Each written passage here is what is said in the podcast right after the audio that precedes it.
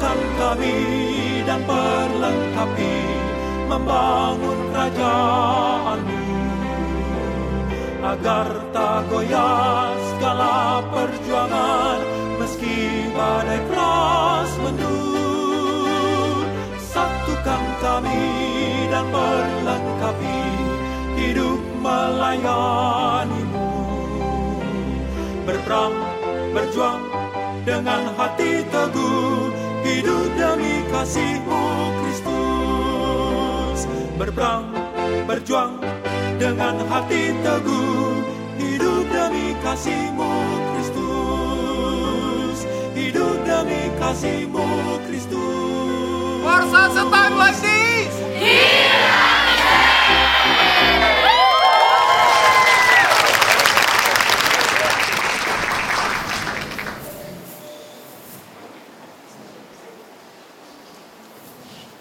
Celakalah kami.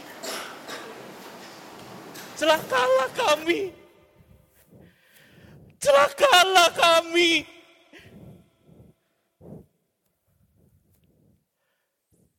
Kami binasa. Siapa yang dapat menyelamatkan kami? Siapa yang dapat membebaskan kami? Kami binasa. Kami binasa. Apa yang sebenarnya terjadi dengan Mordekai?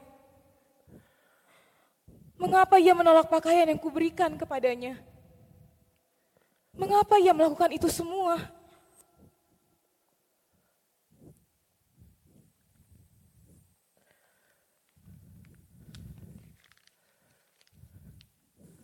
Sepuluh ribu talenta perak. Itu harga kami. Sepuluh ribu talenta perak. Itu harga nyawa orang Yahudi. Siapa yang dapat membebaskan kami? Surat ini sudah tersiar ke seluruh daerah. Semua orang telah membacanya. Siapa yang dapat menyelamatkan kami?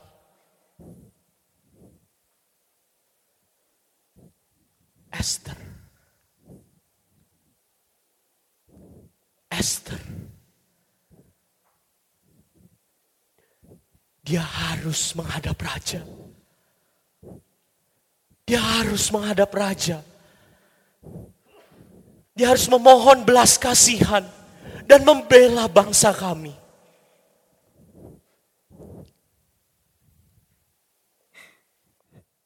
Bagaimana mungkin bisa? Semua pegawai raja dan penduduk daerah kerajaan mengetahui bahwa baik laki-laki maupun perempuan yang datang di pelataran depan menghadap raja tanpa dipanggil. Hanya satu undang-undang yang berlaku, yaitu hukuman mati. Hanya hanya jika raja mengulurkan tongkat emasnya, orang itu akan tetap hidup. Tapi bagaimana bisa? Sudah 30 hari raja tidak memanggilku. Bagaimana aku bisa tetap hidup?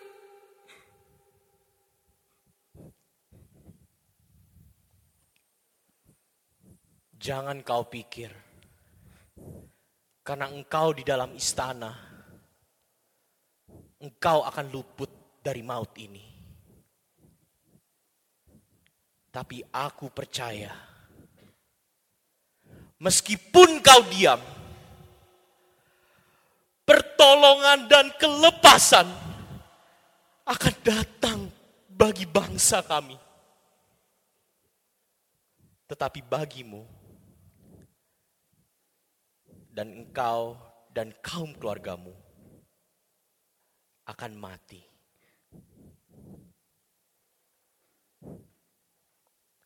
Hadasa, Hadasa. Mungkin, mungkin untuk waktu yang seperti ini, engkau menjadi ratu.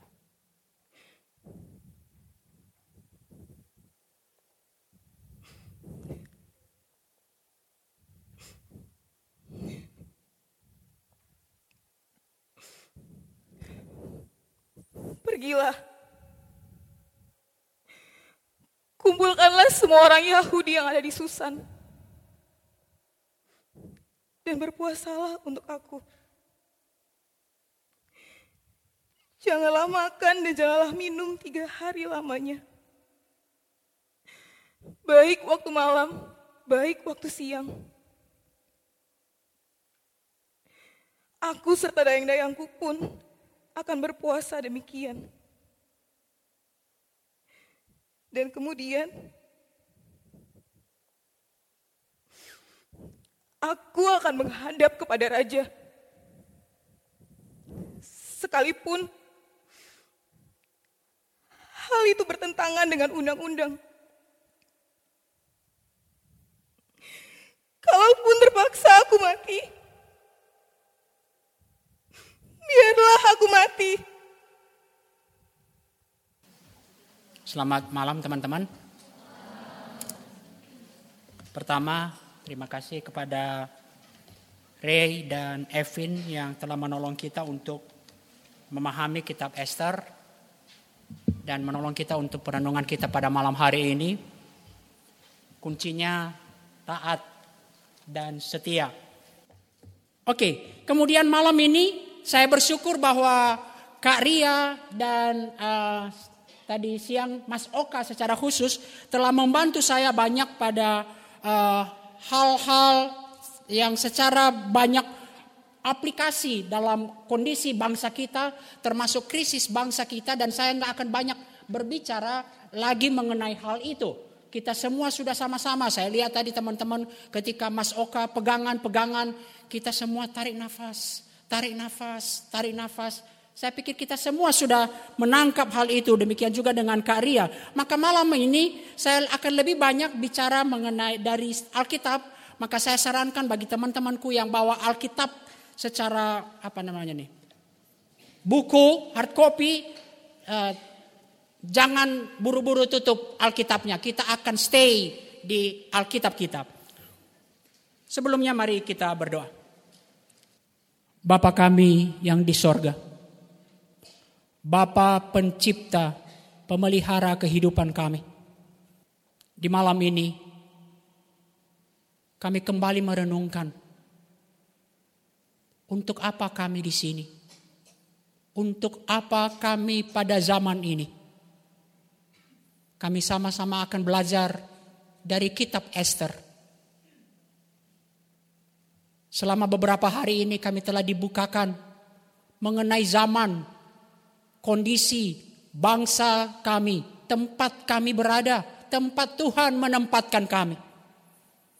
Maka kiranya ya Tuhan, Kiranya Tuhan di dalam kemurahannya menunjukkan kepada kami secara khusus pada malam hari ini. Untuk apa kami hadir pada waktu ini? Di dalam kondisi bangsa kami yang seperti ini. Dan kiranya Tuhan mengaruniakan kepada kami hati yang terbuka hati yang taat dan tunduk pada apa yang Tuhan inginkan dalam kehidupan kami. Di sepanjang acara kami telah dibukakan betapa berharganya kami menerima, kami taat akan panggilan Tuhan. Itu cerita Esther, itu cerita para senior kami. Kiranya malam ini ya Tuhan. Itu menjadi cerita kami. Itu menjadi panggilan Tuhan bagi kami. Pimpin hambamu yang lemah. dan kami semua yang mendengarkan. Di dalam nama Yesus kami berdoa. Amin. Mari kita buka Alkitab kita. Kita akan baca Esther 4 ayat 10 sampai 16. Kita baca bergantian, saya mulai dari ayat 10. Akan tetapi Esther menyuruh Hattah memberitahukan kepada Mordekai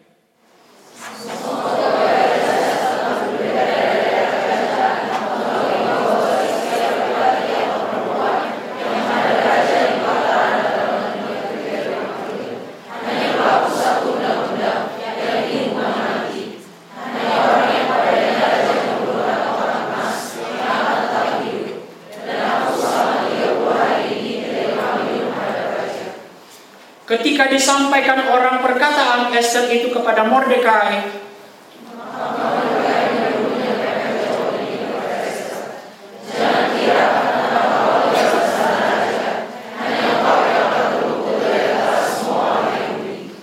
Sebab sekalipun engkau pada saat ini berdiam diri saja, bagi orang Yahudi akan timbul juga pertolongan dan kelepasan dari pihak lain. Dan engkau dengan kaum keluargamu akan binasa. Siapa tahu mungkin justru untuk saat yang seperti ini engkau beroleh kedudukan sebagai ratu.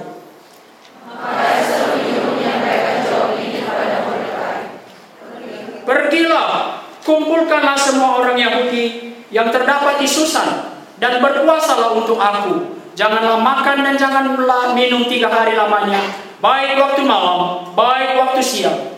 Aku serta dayang-dayangku pun akan berpuasa demikian dan kemudian aku akan masuk menghadap raja.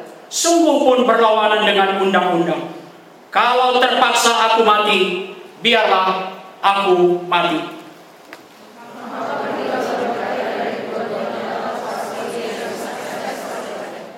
Kecintaan kalian sama firman Tuhan tinggi sekali. Saya bilang sampai angka pas ayat 16, tapi kalian teruskan. Mungkin kalau saya nggak tahan, kalian akan baca terus sampai Esther selesai. Teman-teman tahun 2011 saya kena penyakit serius di hati. Eh di hati di sini apa di mana? Sini. Dokter menyatakan virus yang ganas. Diawali sebenarnya saya di tahun 2011 itu berat badan saya secara perlahan tapi cepat. Gimana tuh ya? Menurun sampai saya pikir 10 kilo. Saya ingat banget pada satu camp di uh, Wisma Pangestu, Bangsa Gala, ada sesuatu dengan Niko. Langsung berlutut. Dan semua para hamba Tuhan melakukan penumpangan tangan. Bila ada kuasa-kuasa kegelapan. Tapi ternyata virus di hati saya saya menjalani pengobatan yang sangat mahal. Ratusan juta. Saya menerima suntikan setiap minggu. Awal-awal saya pergi setiap minggu saya ke rumah sakit untuk menerima suntikan. Tapi kemudian capek ke rumah sakit, maka saya belajar. Atau istri saya belajar untuk menyuntik saya. Dan saya sering ngomong, disuntik dengan cinta itu beda. Walaupun faktanya lebih sakit kalau dia yang suntik. Dan setiap kali saya disuntik teman-teman, badan saya meriang. Meriang yang tak pernah kunjung ada riang-riangnya.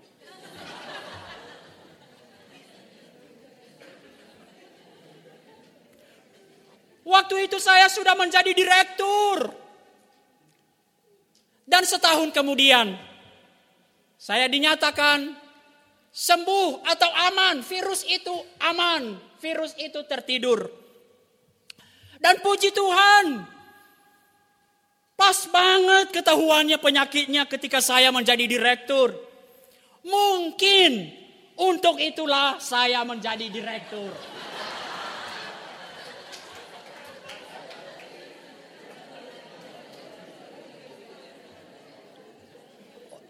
Itulah pikir saya selama ini. Walaupun di satu sisi mulai menggumulkan, Mengapa Tuhan memperpanjang umur saya? Penyakit itu ada banyak orang ke Guangzhou, ke Jerman, tetapi mereka mati lewat. Tetapi saya yang berobat di rumah sakit Kemayoran. Tuhan sembuhkan. Rumah sakit Mitra Kemayoran maksudnya. Dan mengapa Tuhan memperpanjang hidup saya? Kita balik ke Eskisa Esther, nanti kita lanjutkan kalau ada waktu. Saya berikan judul yang pertama, ayat pertama sampai ayat ketiga mari kita lihat. Setelah undang-undang pemusnahan bangsa Yahudi diumumkan ke semua daerah, maka dicatat di ayat 15, 3 ayat 3 ayat 15 terjadi kegemparan besar. Ini bukan hanya krisis biasa. Tadi digambarkan dengan begitu baik oleh Ray. Kegemparan besar. Maka ditunjukkan di ayat 4 setelah ayat 1 sampai 3 7 ayat ayat pasal 4 ayat 1 sampai 3 menunjukkan perkabungan yang begitu besar meratap secara publik. Jarang di dalam Alkitab dinyatakan meratap secara publik. Kalau nggak salah, ingat saya hanya dua kali di dalam Alkitab secara publik dan bukan itu bukan hanya dilakukan oleh Mordekai. Ayat 3 dinyatakan oleh seluruh bangsa Yahudi. Teman-teman, untuk menggambarkannya, umat Allah di dalam krisis yang besar Mari kita lihat krisis yang besar itu seperti apa. Yang pertama, agak aneh itu di Persia. Undang-undang, sekali undang-undang keluar, tidak dapat dicabut. Bahkan oleh raja sendiri pembuat undang-undang. Berarti apa? Sekali dinyatakan pemusnahan umat bangsa Yahudi. Pasti, bukan dikatakan hampir pasti akan terjadi. Mustahil tidak akan terjadi. Itulah krisisnya. Undang-undang tidak dapat dicabut. Hampir tidak ada jalan keluar. Dan yang kedua, kalau kita lihat Alkitab secara baik menjelaskannya. Dituliskan di sana di ayat pasal 3 ayat 13. Dan supaya dirampas harta milik mereka. Apa artinya ini teman-teman? Coba bayangkan kalau Ditambahkan inilah strategi dan licik dari Haman. Kalau ditambahkan dirampas harta miliknya. Maka yang melakukan siapa kira-kira? Bukan hanya musuh-musuh Israel. Bukan hanya musuh-musuh bangsa Yahudi. Tetapi semua orang akan berlomba-lomba untuk memusnahkan orang Israel. Kenapa? Mereka akan mendapatkan hartanya. Krisis yang begitu dalam. Hampir mustahil untuk lolos. Tetapi Mordekai tidak hanya meratapi nasibnya. Kita lihat Mordekai atas dasar belas kasihan yang besar kepada bangsanya. Dia berani bertindak. Meratap di pintu gerbang. Teman-teman Bukan hanya menunjukkan perkabungan yang besar. Yes, itu menunjukkan perkabungan besar. Tetapi apa artinya dia meratap sampai kepada pintu gerbang? Dia meratap untuk menarik perhatian Esther. Sekalipun rasanya tidak ada kemungkinan. Sudah ditentukan pada 11 bulan berikutnya. Itulah awal kata kemudian nanti perayaan Purim. Berasal dari kata Pur Pur itu undian. Jadi kapan itu akan dilakukan dibuang undi. Nanti pada perayaannya adalah Purim. Jadi itu nanti di bagian akhir tapi besok kita akan lihat. Nah teman-teman kita lihat meratap di depan pintu gerbang itu. Betul itu menunjukkan perkabungan. Tetapi Mordekai. Nggak hanya meratapi nasibnya, menangisi nasibnya. Tetapi belas kasihan itu menimbulkan keberanian besar Sekalipun seakan-akan tidak ada jalan keluar. Yang mau menarik perhatian Esther. Yang kemungkinan besar. Tidak tahu menau dengan undang-undang maut itu. Dan kemudian kita lihat bahwa Esther memang tidak tahu menau akan undang-undang itu. Maka tepat Charles Swindoll dalam buku dalam bukunya dia mengutip yang namanya Edward saya agak susah bacanya saya kita lihat aja. Dia menuliskan begini. Ada banyak kita teman-teman ketika melihat begitu besar krisis itu.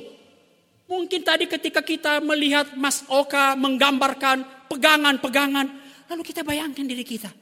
Apa yang saya bisa lakukannya? Dengan saya seorang diri. Iya kalau cum laude.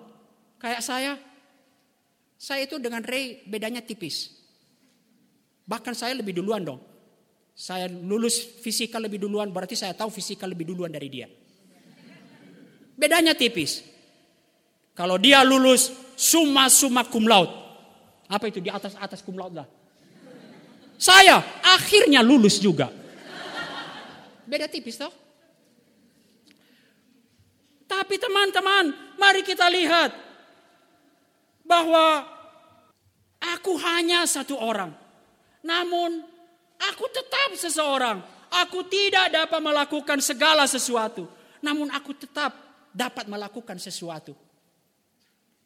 Dan karena aku tidak dapat melakukan segala sesuatu, itu bukan berarti saya menolak untuk melakukan sesuatu yang saya dapat lakukan.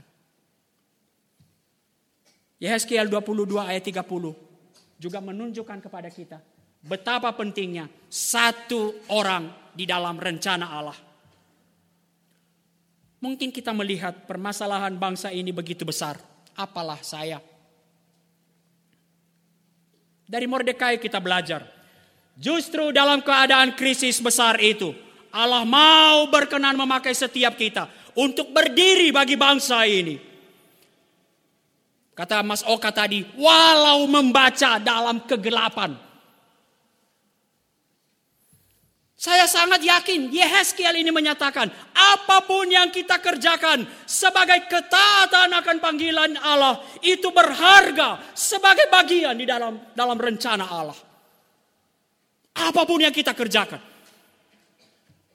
Dalam buku apakah pekerjaanku adalah bagian dari pekerjaan Allah yang tadi dinyatakan oleh Karya. Ditanya di sana kira-kira saya udah agak lupa dia menggambarkan seorang pelukis yang karena begitu presisi, tidak selesai-selesai dia menggambarkan satu pohon. Bahkan satu daun pun tidak selesai, tapi dia kerjakan dengan tekun. Dan pada akhirnya ketika waktunya habis, dia bertemu dengan pelukis agung itu. Dan di sana dia ketemu, wow ada satu pohon yang begitu indah. Dan bagian kecil dari lukisan yang ditulisnya itu, dilukiskannya itu ada sebagai bagian dari lukisan agung yang ditulis oleh pelukis agung itu. Mari berani untuk melakukan langkah kecil. Sekalipun kita melihat apa yang bisa kita lakukan dengan bangsa kita. Maka saya sangat senang dengan apa itu berani Indonesia. Atau apa pun langkah kecil. Yang kita mulai beneran Indonesia bukan berani ya. Kadang-kadang teman-teman, para alumni-alumni muda ini stres sering berbicara, bagaimana merubah Indonesia?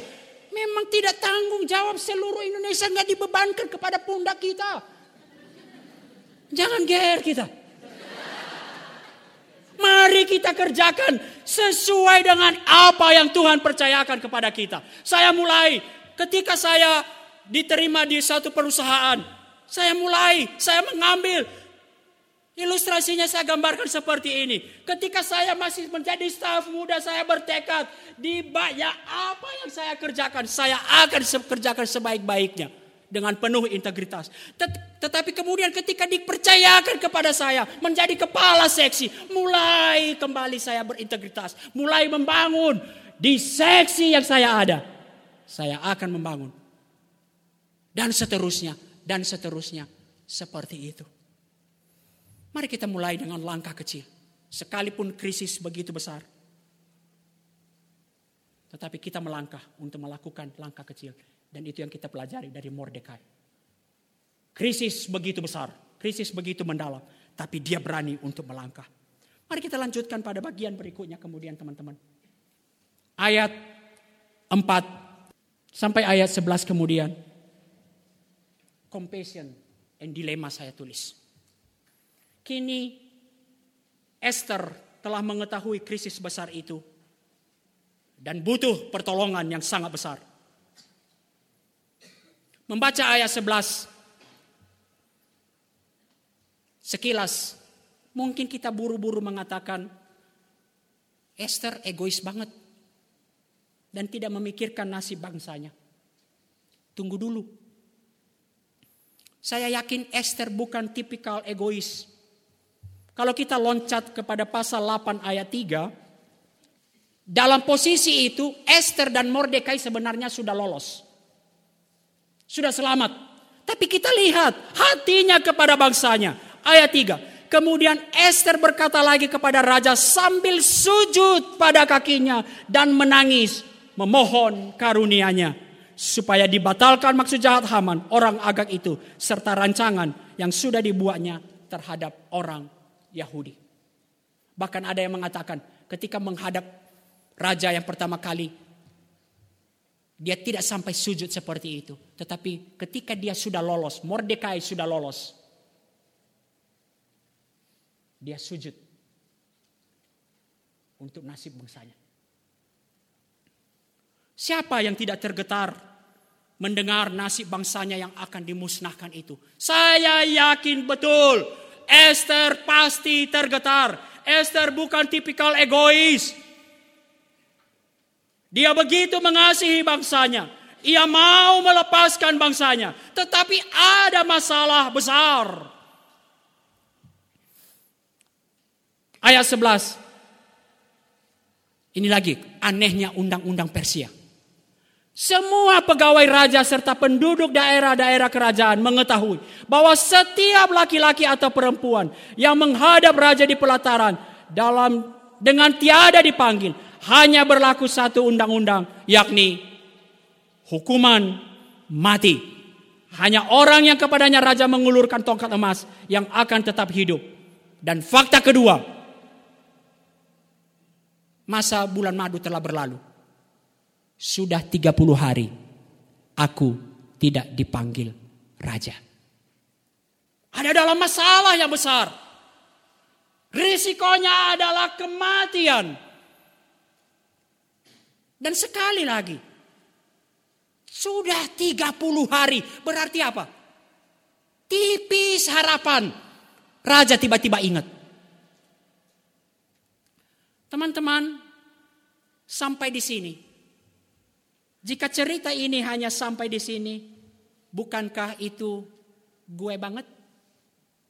Bukankah itu kita banget? Saya yakin, saya yakin yakinnya. Kita yang berkumpul di sini adalah orang-orang yang punya hati kepada bangsa ini. Mau datang ke sini pasti punya hati kepada bangsa ini tentang krisis dan berbagai masalah kronis bangsa ini. Kita tahu sangat mendesak.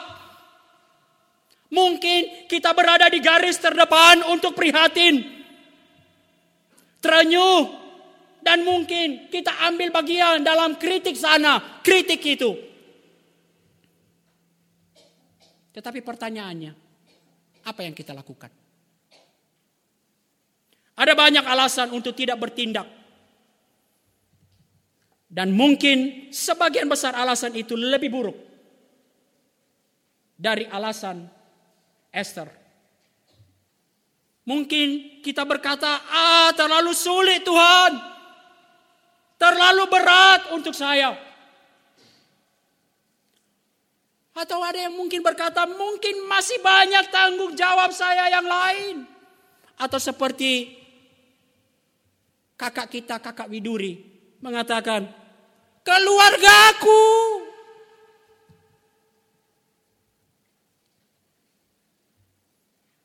Atau yang makin rendah degradasinya.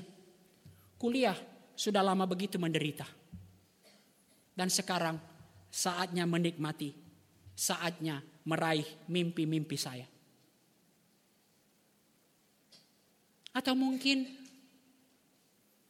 Saya mau taat. Tapi bisa dua digit nggak ya? Atau mungkin saya mau taat, tapi jangan sekarang Tuhan, nanti masih banyak urusan saya. Ada begitu banyak kesulitan-kesulitan.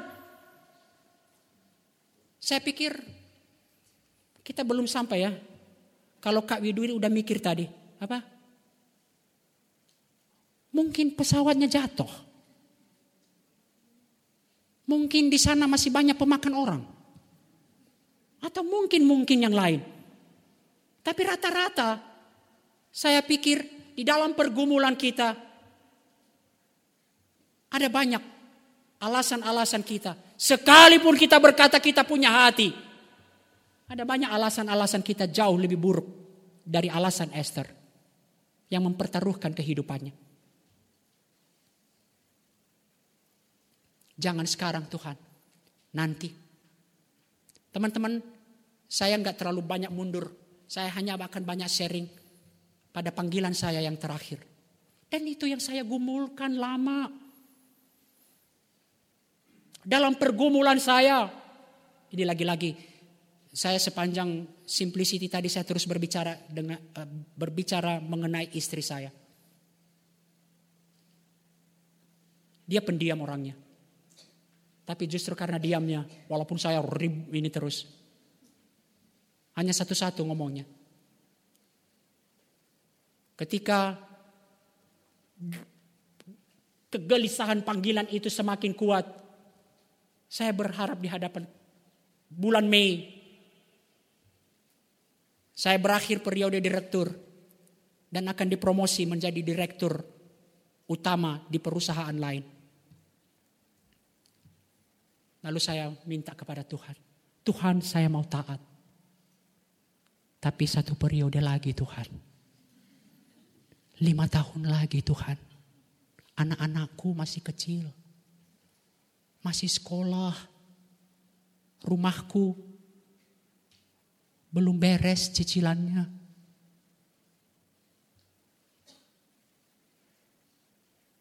Keluargaku, saya simbol kesuksesan di keluargaku keluargaku masih butuh.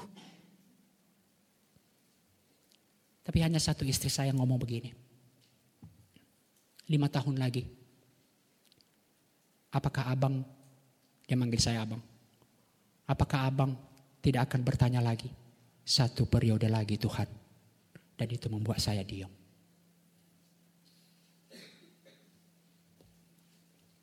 Ketika berbicara resiko-resiko merespon panggilan Tuhan. Seorang dosen saya berkata, masalah kita adalah kita terlalu menghargai, memantingkan hidup di dunia ini. Dan itu yang dipikirkan Esther. Seorang bapak gereja, ketika seorang pebisnis datang kepadanya berkeluh kesah mengenai susahnya berbisnis di dunia ini tanpa kompromi. Sang bapak gereja selalu menjawab, keluhan daripada pebisnis besar itu dengan pertanyaan, dengan jawaban. Mengapa? Bisnis begitu besar, begitu susah. Kalau tidak kompromi nggak mungkin. Sang bapak gereja, mengapa? Kalau nggak dapat bisnis, bagaimana dapat keuntungan? Mengapa? Kalau nggak dapat keuntungan, bagaimana perusahaan dapat berjalan? Mengapa? Kalau perusahaan berjalan, bagaimana menggaji karyawan dan seluruh? Ya seluruh karyawan ya. Mengapa? Kalau karyawan, kalau tidak ada gaji, bagaimana bisa hidup? Dan kemudian saya kutip di sini. Diakhiri dengan, mari kita baca bersama. Satu, dua, tiga.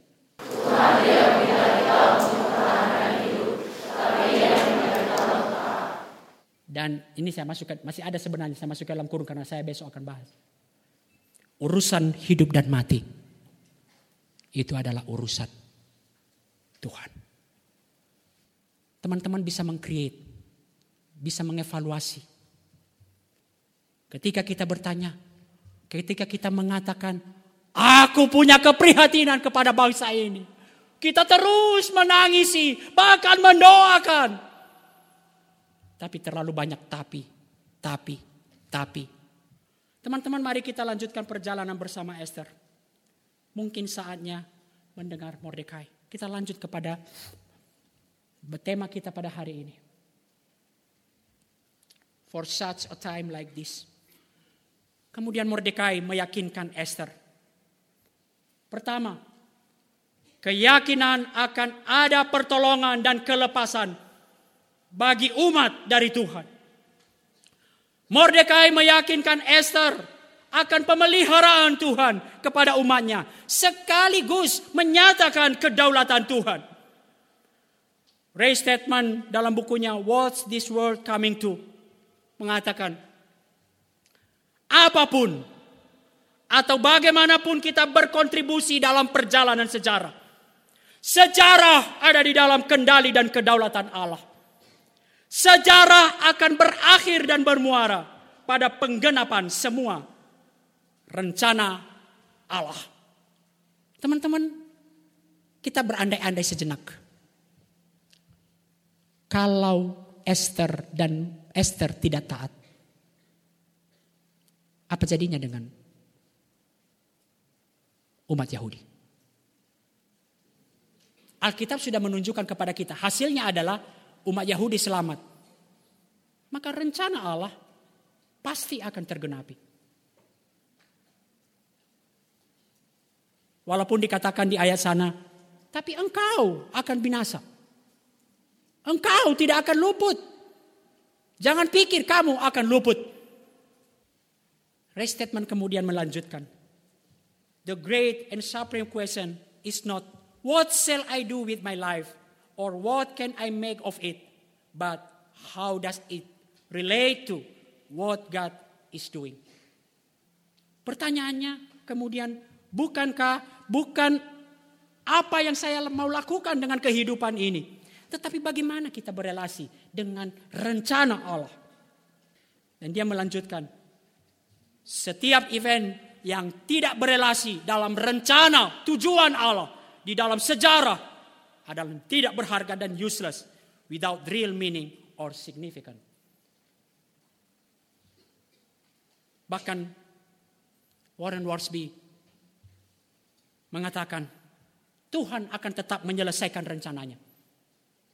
Sekalipun kita tidak menaati panggilannya. Tetapi dalam hal ini kitalah yang rugi. Dalam kerangka berpikir inilah saya melanjutkan cerita saya pada bagian awal. Saya terus bertanya kemudian kepada Tuhan.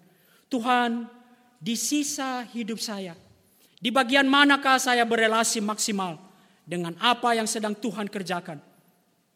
Kalau kata Kak Lina, discerning what is the best. Atau kata Mas Oka, membidik sasaran yang paling tepat di dalam kehidupan kita. Kita nggak tahu bagaimana jalannya sejarah. Tetapi yang pasti, seluruh sejarah akan ada dalam kedaulatan Allah. Kita mau taat atau tidak. Sejarah akan tergenapi. Dalam hal itu saya pikir umat Israel tidak akan lenyap, tidak akan musnah. Tapi masalahnya akan ada di Esther dan Mordekai.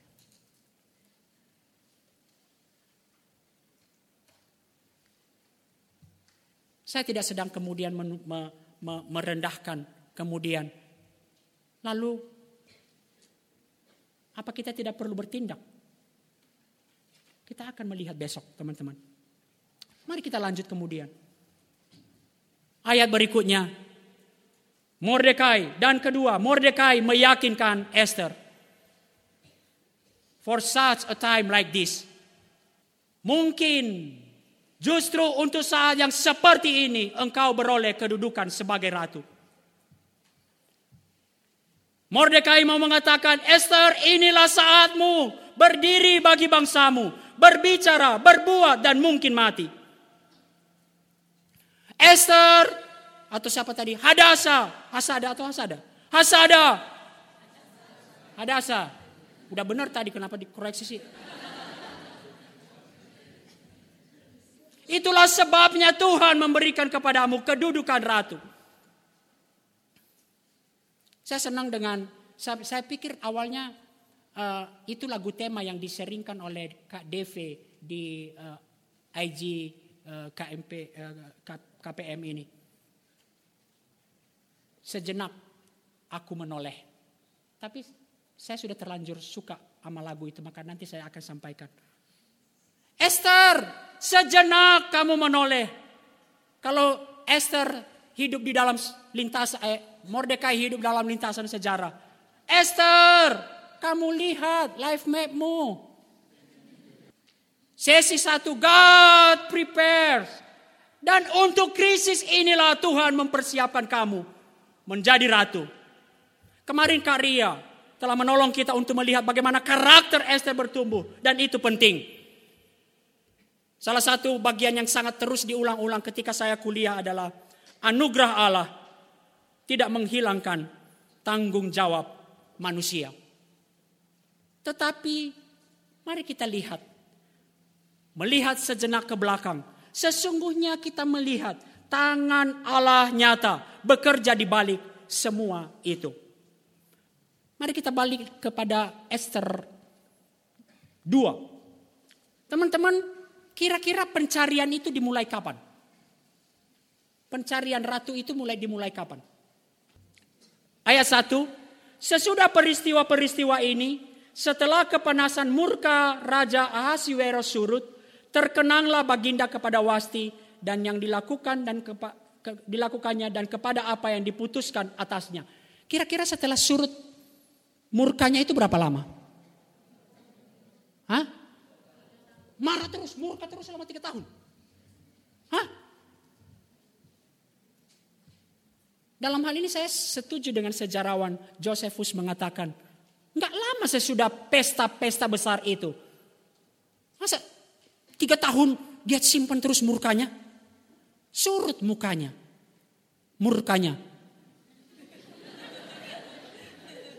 Maka apa yang kita kemudian kita lihat teman-teman? Tiga tahun berarti kalau kira-kira tiga tahun, itu kan tahun keempat. Kemudian tiga tahun masa pencarian ratu. Dan sejarahnya adalah setiap hari ada satu orang yang masuk untuk dijadikan dalam tanda kutip istri raja dan kemudian salah satu dari mereka akan menjadi ratu. Kemudian tiga tahun kalau kita kalikan 365 hari berapa orang? Ya, tapi kemudian Josephus mengatakan, mungkin tidak akan sampai seperti itu. Kenapa? Karena dia juga masih suka berperang. Jadi kalau lagi berperang, dia lolos memilih istrinya. Tapi Josephus kemudian mengatakan, mungkin sejarawan ini sejarawan Yahudi mengatakan, mungkin 400 sampai 500 perempuan cantik dibawa kepada raja. Pertanyaannya poinnya saya adalah kemungkinan terpilih jadi ratu besar gak? Pasti lebih sulit dari Miss Universe sekarang. Tetapi mengapa Esther yang bisa terpilih? Cantik bingit? Dia berada di mana? Di Persia.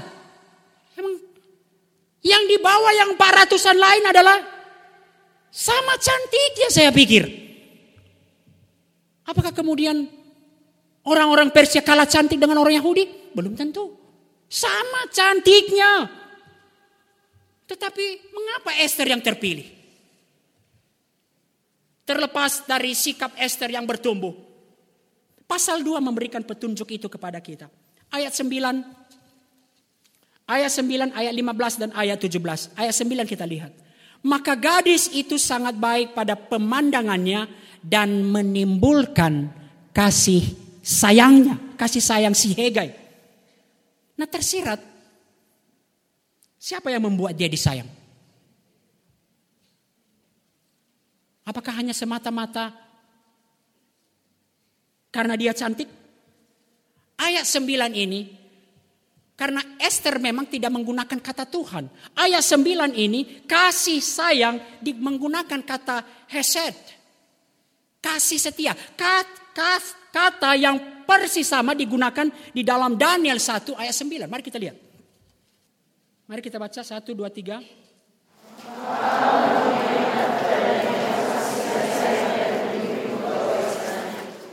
Teman-teman, dari sini tersirat apa?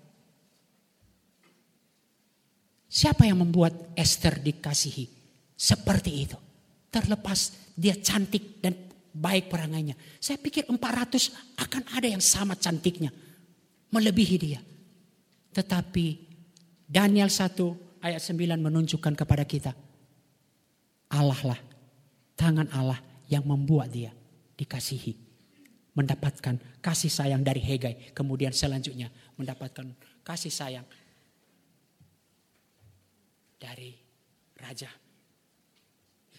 God prepares. Dan itu yang kita lihat di pasal 1. Eh, di sesi 1. Allah mempersiapkan. Kita akan sulit melihat mengapa Esther kalau hanya melihat dari sisi Esther bertumbuh. Ada tangan Allah. Dan dia dikasihi, kalau kita lihat secara pikiran manusia, dia dikasihi oleh Hegai. Siapa itu Hegai? Sida-sida yang sudah melayani raja sekian tahun. Apa yang tersirat? Dia sangat tahu selera raja. Apa yang diinginkan oleh raja. Sehingga begitu Esther dikasihinya, kasih sayangnya, maka dia menyatakan kepada Esther sebagaimana apa yang raja sukai. Dan di sini tersirat Allah bekerja di balik itu semua. Allah yang mempersiapkan. Dan itulah yang dikatakan Mordekai. Allah untuk itulah Allah memilih kamu, mempersiapkan kamu menjadi ratu untuk krisis yang seperti ini. God prepares. Kita lihat ketika Mordekai meminta Esther untuk sejenak menoleh, melihat ke belakang. Saya senang dengan lagu ini. Sejenak aku menoleh pada jalan yang telah kutempuh. Kasih Tuhan ku peroleh membuatku tertegun. Jalan itu penuh liku, kadang-kadang tanpa terang. Tetapi Tuhan membimbingku hingga aku tercengang. Kasih Tuhan membimbingku dan hatiku pun tenang. Pada bait yang keduanya, bukan karena aku baik, saya pikir itu yang dialami Esther. Dan itu yang dinyatakan Mordekai kepada Esther. Bukan karena sekedar kamu cantik, kamu terpilih menjadi ratu. Tetapi karena Allah mempersiapkan kamu. Allah yang membuat kamu menjadi ratu. Maka teman-teman, kalau kilas balik, sekarang saya mau menyampaikan sedikit life map saya secara singkat. Seorang anak dari kampung, seorang pemalu, lulus dari SMA di kampung. Maka layaknya anak kampung di Nias, harusnya kalaupun kuliah lanjut ke Medan. Itu yang paling banyak. Tetapi kebetulan menjelang UMPTN pamannya datang dari Jakarta. Dan berangkatlah ia ke Jakarta. Ia lulus UMPTN. Kebetulan dia lulus UMPTN. Betapa tidak kode unik sekolahnya ketika UMPTN. Satu-satunya jalur masuk PTN pada waktu itu adalah sembilan, sembilan, sembilan, sembilan SMA lain-lain. Dan sejumlah kebetulan-kebetulan yang lain. Sebagai anak Katolik, kebetulan suka diajak ke persekutuan. Mimpi besar jadi sarjana UI. Tetapi ada yang lebih besar. Melalui PO dia berjumpa dengan Kristus yang menyelamatkan dia. Memulihkan dia. Termasuk masa-masa kelam. Di asrama putra semasa SMA. Dan sejak itu Tuhan taruh di hatinya arti penting pelayanan mahasiswa. Lulus layaknya mahasiswa lainnya bekerja, melamar dari koran, sampai kemudian perlahan sampai mendapatkan posisi tertinggi sebagai karyawan. Sebagai karyawan tertinggi maksudnya posisi karyawan tertinggi. Kepala divisi di divisi yang merupakan core business. Tapi setelah bertahun-tahun perseteruannya dengan direkturnya membuat dia di depak. Dia masuk ke divisi yang dibentuk untuk menampung dia.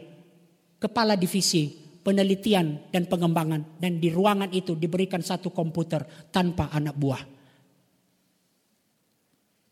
Enam bulan dia menjalani divisi jadi-jadian itu. Dan justru divisi jadi-jadian itulah yang menghantar dia menjadi seorang direktur. Nanti kita lanjutkan kalau ada waktunya. Mari kita lihat kemudian. For such time like this menjadi turning point Esther. Dan ayat 16 kemudian. Lord send me. Melihat tangan Allah yang terus bekerja dalam hidupnya. Esther telah berubah dari ketakutan kepada kebebasan. Iman dan pengharapan. Dari keraguan kepada keyakinan dan ketetapan hati. Dari perhatian bagi keamanan diri sendiri, ketakutan akan hidupnya kepada kasih kepada bangsanya. Dari ketakutan akan hidupnya kepada kesiapan kalau terpaksa aku mati, biarlah aku mati. Teman-teman, by the way, pemikir, pemakaian kata mungkin. Ada banyak orang yang menyerang kitab Esther ini menyatakan mungkin, pemakaian mungkin untuk itulah atau kalau terpaksa aku mati. Pemakaian kata kalau menunjukkan itu kurang beriman. Tetapi itu model perjanjian lama. Pernyataan-pernyataan di perjanjian lama. Kaleb juga ketika meminta tanah pusaka dia berkata, mungkin Tuhan menyertai aku. Artinya suatu pengakuan kedaulatan Allah dan kesiapan untuk menghadapi resiko apa pun.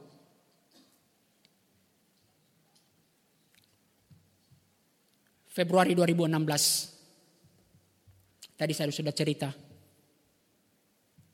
Dalam satu conference broker insurance broker se-Asia di Bali. Yang berlangsung dari Selasa sampai Kamis. Saya ditempatkan di salah satu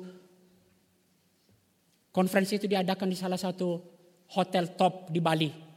Mulia Hotel. Saya diberikan hotel yang sangat-sangat nyaman.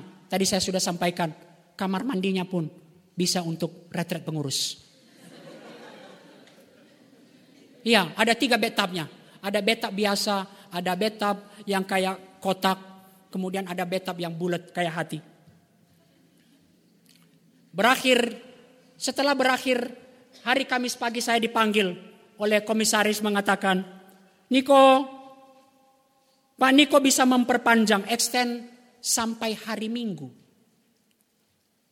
Di hotel ini dan ajak keluarga untuk datang kembali ke sini. Maksudnya untuk ikut bersama untuk berlibur. Dan itu artinya dari Senin dari dari Kamis sampai hari Minggu saya akan mendapatkan uang saku lagi. Saya telepon istri saya dengan gembira, Ayo kita kembali bawa semua keluarga anak-anak. Saya suka mengirim video-video tempat itu begitu ininya supaya dia gergetan dan penasaran. Tetapi kemudian dia ingatkan saya, bukankah besok Jumat ada pelayananmu di FIKUI? Saya terdiam. Tapi dengan semangat saya ini, ini berkat Tuhan mungkin. Saya punya grup WA yang bisa cepat untuk mencari pengganti. Pembicara pengganti. Ada saya punya grup para pembicara.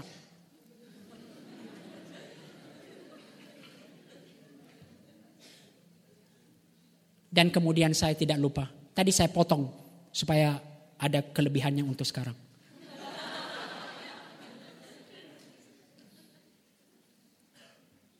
Istri saya pulang.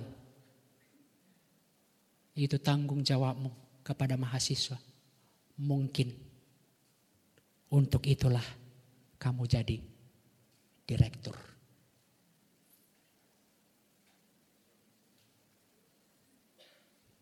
Dan suara istri saya menjadi suara mordekai bagi saya. Saya pulang. Dan besoknya di FIK, tahu dapat berapa? Ah, kalian udah bayangkan lah ya. Lord, send me. Taat melangkah di dalam iman. Adakah kemudian semua jelas? Tidak. Itulah sebabnya Esther menyerukan puasa, bergabung dengan kekuatan Allah, memohon hikmat dan kekuatan dari Allah. Seruan berpuasa, kalau terpaksa aku mati, biarlah aku mati. Esther menyerukan puasa. Yang mencari-cari, mencari-cari uh, menyerang Alkitab, lagi-lagi menyerang bagian ini. Itu dikatakan puasa, nggak berdoa. Aduh. Di dalam ini Yahudi di dalam di dalam puasa itu ada ya berdoa. Kalau puasa tidak berdoa itu diet. Berpuasa merendahkan diri di hadapan Allah. Kekuatan untuk sampai kemudian. Kalau terpaksa aku mati. Biarlah aku mati. Memang klise teman-teman kalau sering kalau orang-orang bertanya kepada saya. Bang bagaimana ini bang? Untuk meyakinkan. Saya juga agak ini. Kayaknya dari pembicara itu ada jawaban yang hebat banget. Lalu kalau saya jawab. Ya doakanlah. Dia pulang dengan muka ini. Ya hanya doakanlah itu juga saya udah tahu. Tapi nggak ada cara lain. Berpuasa merendahkan diri di hadapan Allah. Itu satu-satunya. Bagaimana kita taat melangkah di dalam iman. Sekalipun masih belum jelas di hadapan kita. Nanti kita akan masuk persekutuan doa. Mari gunakan waktu itu. Memohon hikmat, pengertian dan kekuatan dari Allah. Kemarin di pembukaan Kak Lina mengatakan. Tidak ada yang lebih penting bagi kita. Selain pengertian, hikmat daripada Tuhan. Untuk mengetahui kehendak Tuhan. Dan kita akan masuk pada bagian akhir perenungan kita malam ini. Sebagian pasal 5 dan beberapa ayat di pasal lain. Kini Esther bertindak memulai perjuangannya. Dia meminta pertolongan Tuhan, dipimpin oleh hikmat dari Tuhan. Di dalam hikmat dan penyertaan Tuhan, Esther juga melakukan dan mempersiapkan, melakukan yang terbaik. Tadi anugerah dan kemurahan Tuhan tidak menghilangkan tanggung jawab manusia. Dicatat di sana teman-teman, pasal 5 ayat 1 itu pada hari yang ketiga Esther mengenakan pakaian ratu. Alkitab kalau mencatat berarti itu ada ada pentingnya. Mengapa ditekankan memakai pakaian ratu? Coba bayangkan. Kalau dia masih dalam pakai apa, gulungan rambut dan itu dia datang menghadap raja. Apa yang akan dilakukan raja sama dia?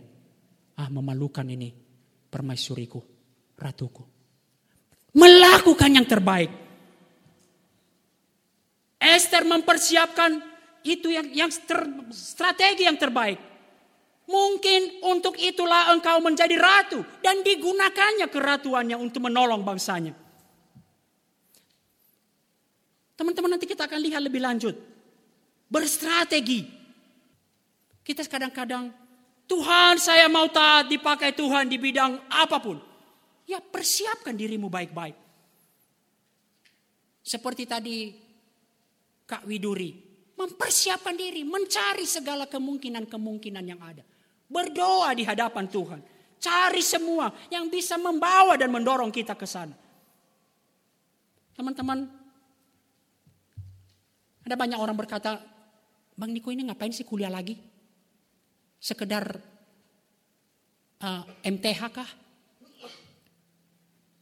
Kalau hanya sekedar MTH, teman-teman belajar Yunani, belajar Ibrani dalam umur yang masih muda ini.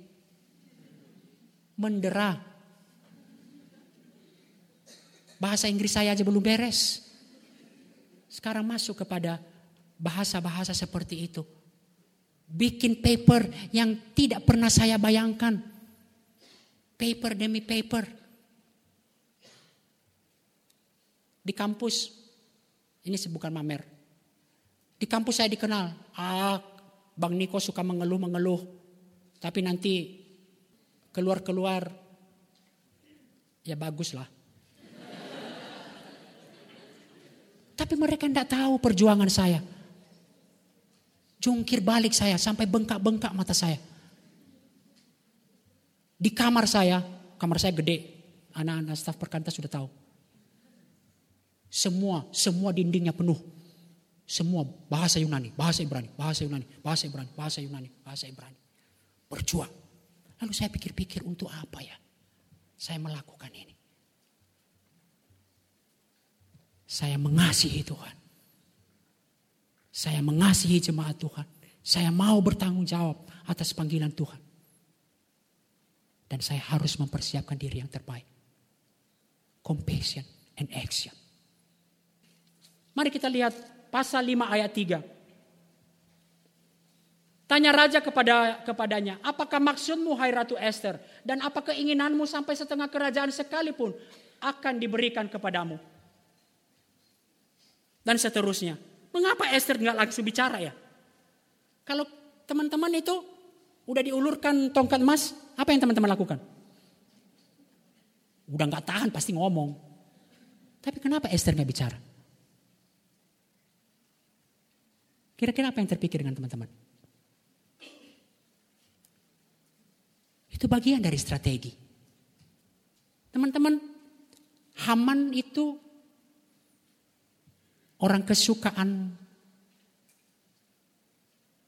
raja suka kepada dia atau tidak? Suka banget. Dia diangkat menjadi orang nomor dua. Harus berstrategi. Kalau kemudian teman-teman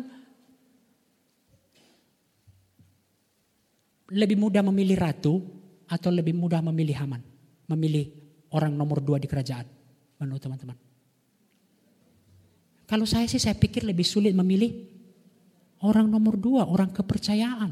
Kita akan lihat besok lagi. Daripada memilih ratu. Kenapa? Ratusan, Bo.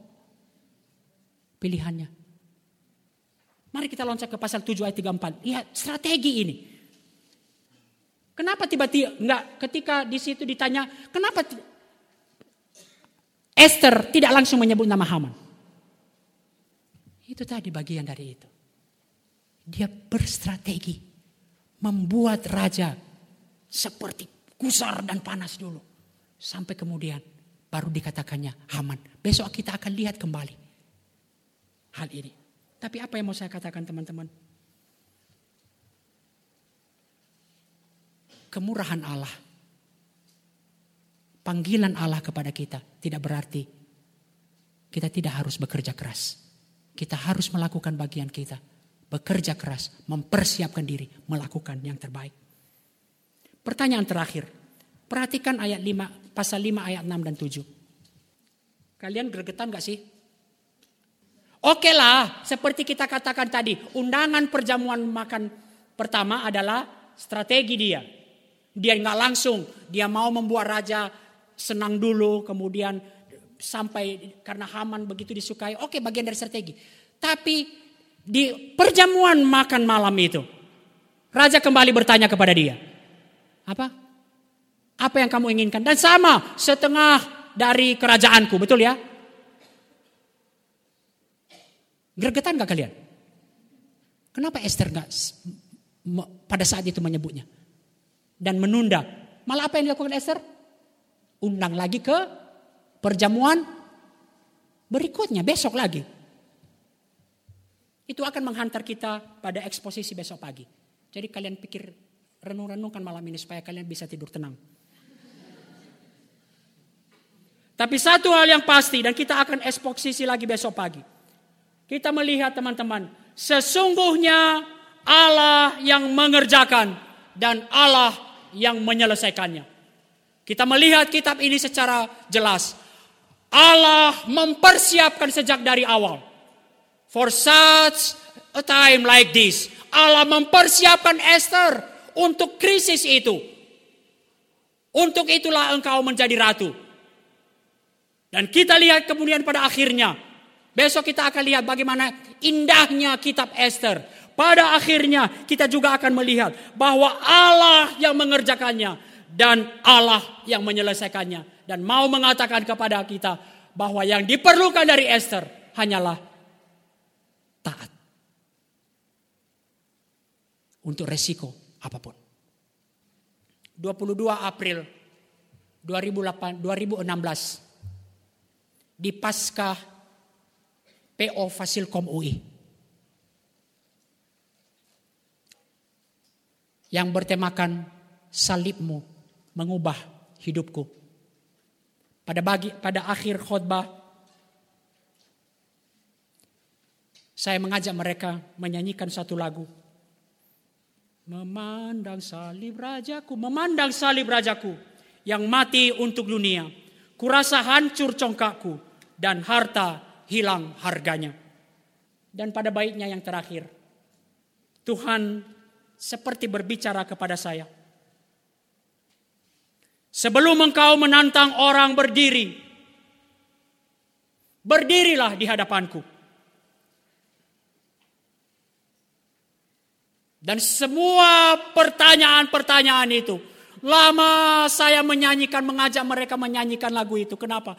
Saya bergumul sendiri di hadapan Tuhan. Semua kekhawatiran-kekhawatiran, semua tapi-tapinya saya diungkapkan pada malam hari itu. Saya berkata, tapi Tuhan, anak-anakku masih perlu uang sekolah. Tapi Tuhan, cicilan rumahku belum lunas. Tapi Tuhan, tapi, tapi, tapi.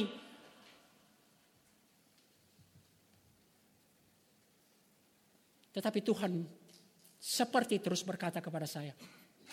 Sebelum engkau menantang orang berdiri. Berdirilah di hadapanku. Dan malam itu saya berkata kepada Tuhan, Here I stand Lord.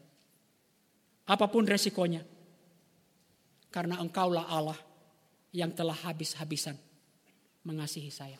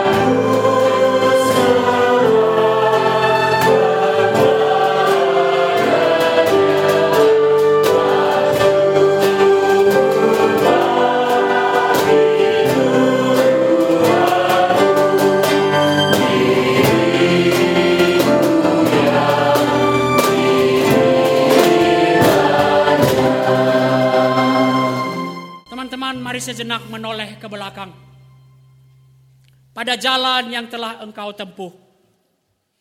Kasih Tuhan engkau peroleh sempurna. Adakah itu membuatmu tertegun? Jalan itu penuh liku, kadang-kadang tanpa terang. Tetapi Tuhan membimbingmu. Adakah engkau tercengang? Apakah yang engkau mau persembahkan kepada Tuhan? Ijazah sarjanamu? Perpuluhanku Tuhan? Sebagian dari waktuku Tuhan? Andaikan jagat milikku, andaikan jagat milikmu, dan kau serahkan kepadanya, tak cukup bagi Tuhanmu.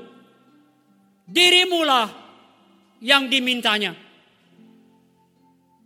Dan itu artinya ketaatan penuh pada panggilan Tuhan. For such a time like this, Mungkin untuk itulah Tuhan menempatkan kita di Indonesia pada zaman ini, di dalam keadaan ini. Apakah kehendak Tuhan bagimu saat ini? Mari kita menundukkan kepala dan mengambil waktu sejenak berdoa, mendengar God's will. Dan di hadapan Tuhan, kiranya KPM ini menjadi waktu yang baik untuk merendahkan diri, mengambil komitmen di hadapan Tuhan. Krisis yang dihadapi bangsa kita telah diuraikan panjang lebar.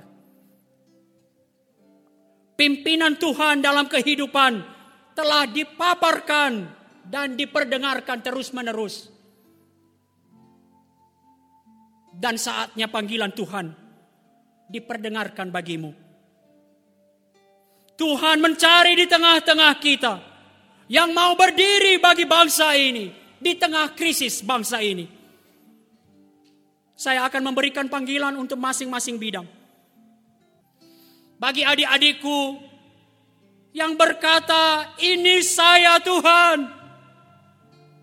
Pakai saya untuk berdiri bangki bangsa ini di bidang ekonomi. Silakan berdiri.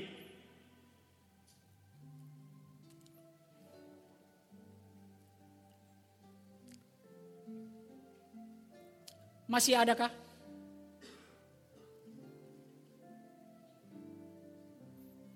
Silakan duduk. bagi adik-adikku yang mau berkata,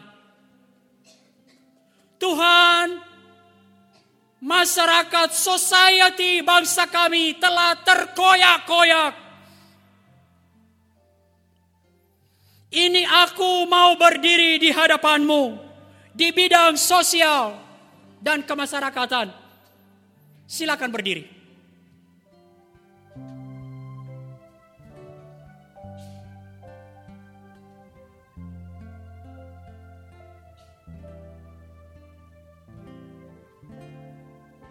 Masih adakah? Silakan duduk. Bagi teman-teman yang mau berkata, Tuhan pakai aku untuk memperbaiki, menjadi berkat di bidang politik dan hukum bagi bangsa ini. Mari, saya undang untuk berdiri.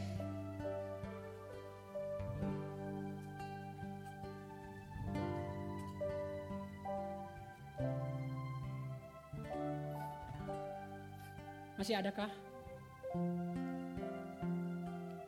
Silakan duduk.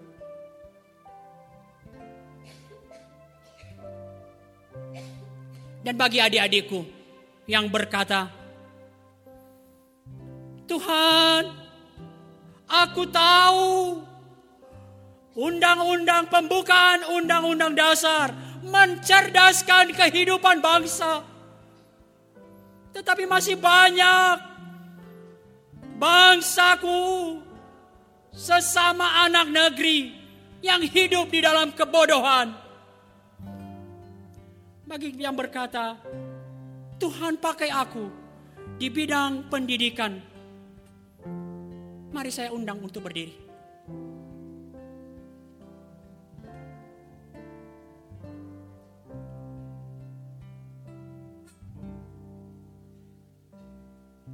Masih adakah? Silakan duduk.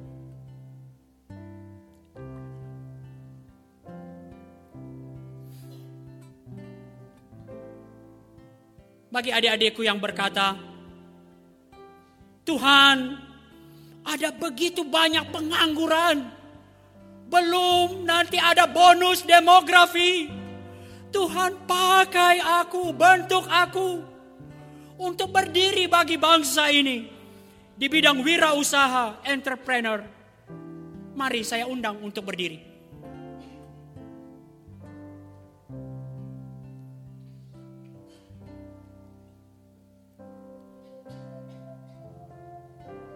Masih adakah? Silakan duduk.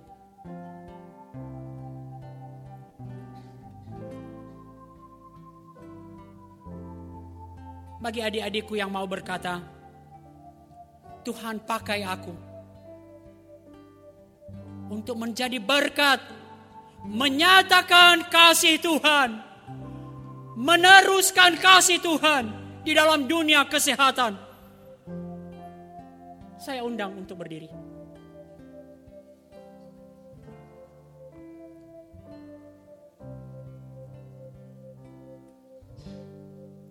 Masih adakah? Silakan duduk.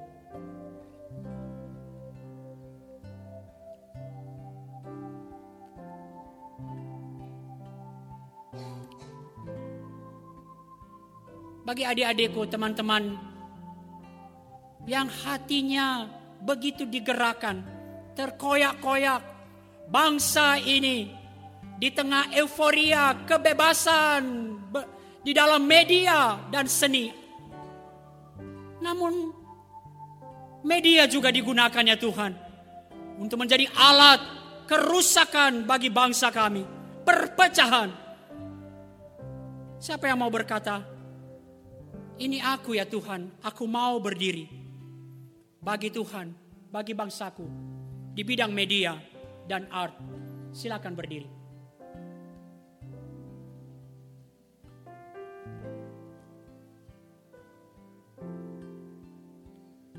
Masih adakah? Silakan duduk. Dan terakhir, adakah yang berkata panggilan secara khusus? Tuhan pakai aku secara penuh waktu untuk terlibat di dalam pemberitaan firman Tuhan, di dalam lembaga-lembaga pelayanan, di dalam gereja Tuhan, dan mau menyatakan, "Ini aku ya Tuhan, pakai aku di dalam pelayanan penuh waktu."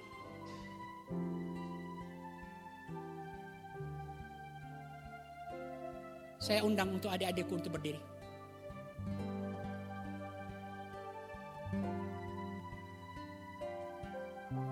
Masih adakah?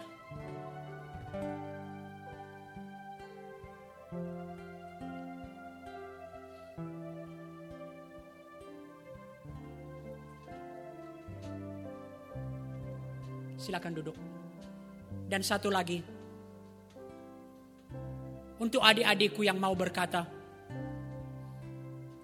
ini aku ya Tuhan. Bangsa ini harus dibangun di bidang sains dan teknik. Aku mau berdiri bagi bangsa ini. Pakai aku ya Tuhan. Saya undang untuk bangkit berdiri.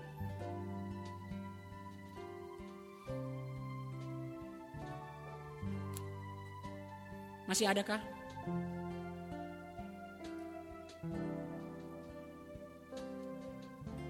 Silakan duduk. Dan mungkin ada di antara kita berkata, Tuhan, saya belum tahu. Belum jelas ya Tuhan.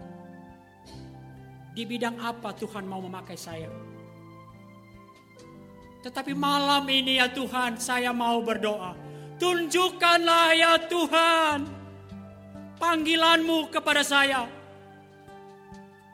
Dan saya mau taat apa pun resikonya. Saya undang untuk ikut berdiri.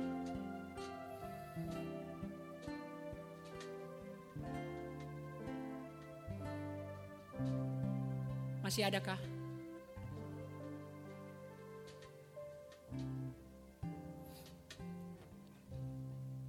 Mari kita berdiri semua.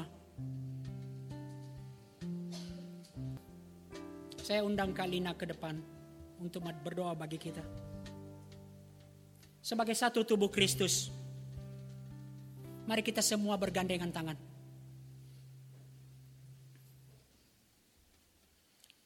Mari kita nyatakan komitmen kita di hadapan Tuhan. Tuhan pakai kami. Kita ada 170-an orang di tempat ini. Pakai kami untuk mentransformasi bangsa ini. Untuk membawa pembebasan di dalam segala krisis. Untuk membawa kasih Tuhan di semua bidang kehidupan. Mari kita saling menguatkan memenuhi panggilan Tuhan. Bawa doa yang dipanjatkan kepada Tuhan. Penyerahan diri kepada Tuhan. Mungkin suatu saat kami lupa. Mungkin suatu saat kami merasa kami tidak bisa melakukannya. Tetapi Tuhan engkau sudah mendengarnya. Engkau sudah melihatnya dan Engkau memegangnya ya Tuhan. Dan Tuhan adalah Tuhan yang sanggup untuk menggerakkan hati kami dan Tuhan juga yang sanggup untuk boleh memimpin kami masuk kepada rencanamu apa yang kami persembahkan kepada Tuhan. Engkau pegang kami ya Tuhan. Kami yang telah berdiri dengan hati yang tulus di hadapan Tuhan kami berdoa ya Tuhan, pegang kami. Topang kami ya Tuhan, tuntun kami. Untuk kami yang dengan tulus berdiri di hadapan Tuhan, mencari akan pimpinanmu. Tuhan pimpin kami, tuntun kami ya Tuhan, untuk boleh mengetahui, untuk boleh memilih yang terbaik. Terima kasih Tuhan, terima kasih untuk malam ini. Terima kasih untuk firman-Mu yang telah diberitakan.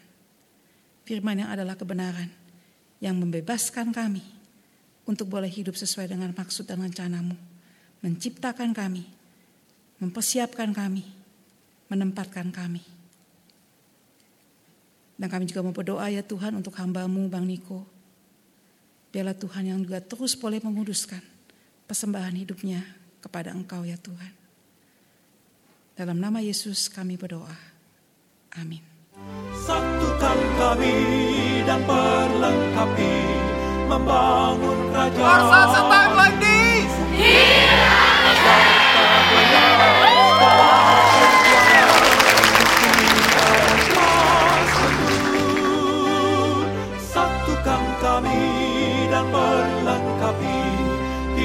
melayanimu.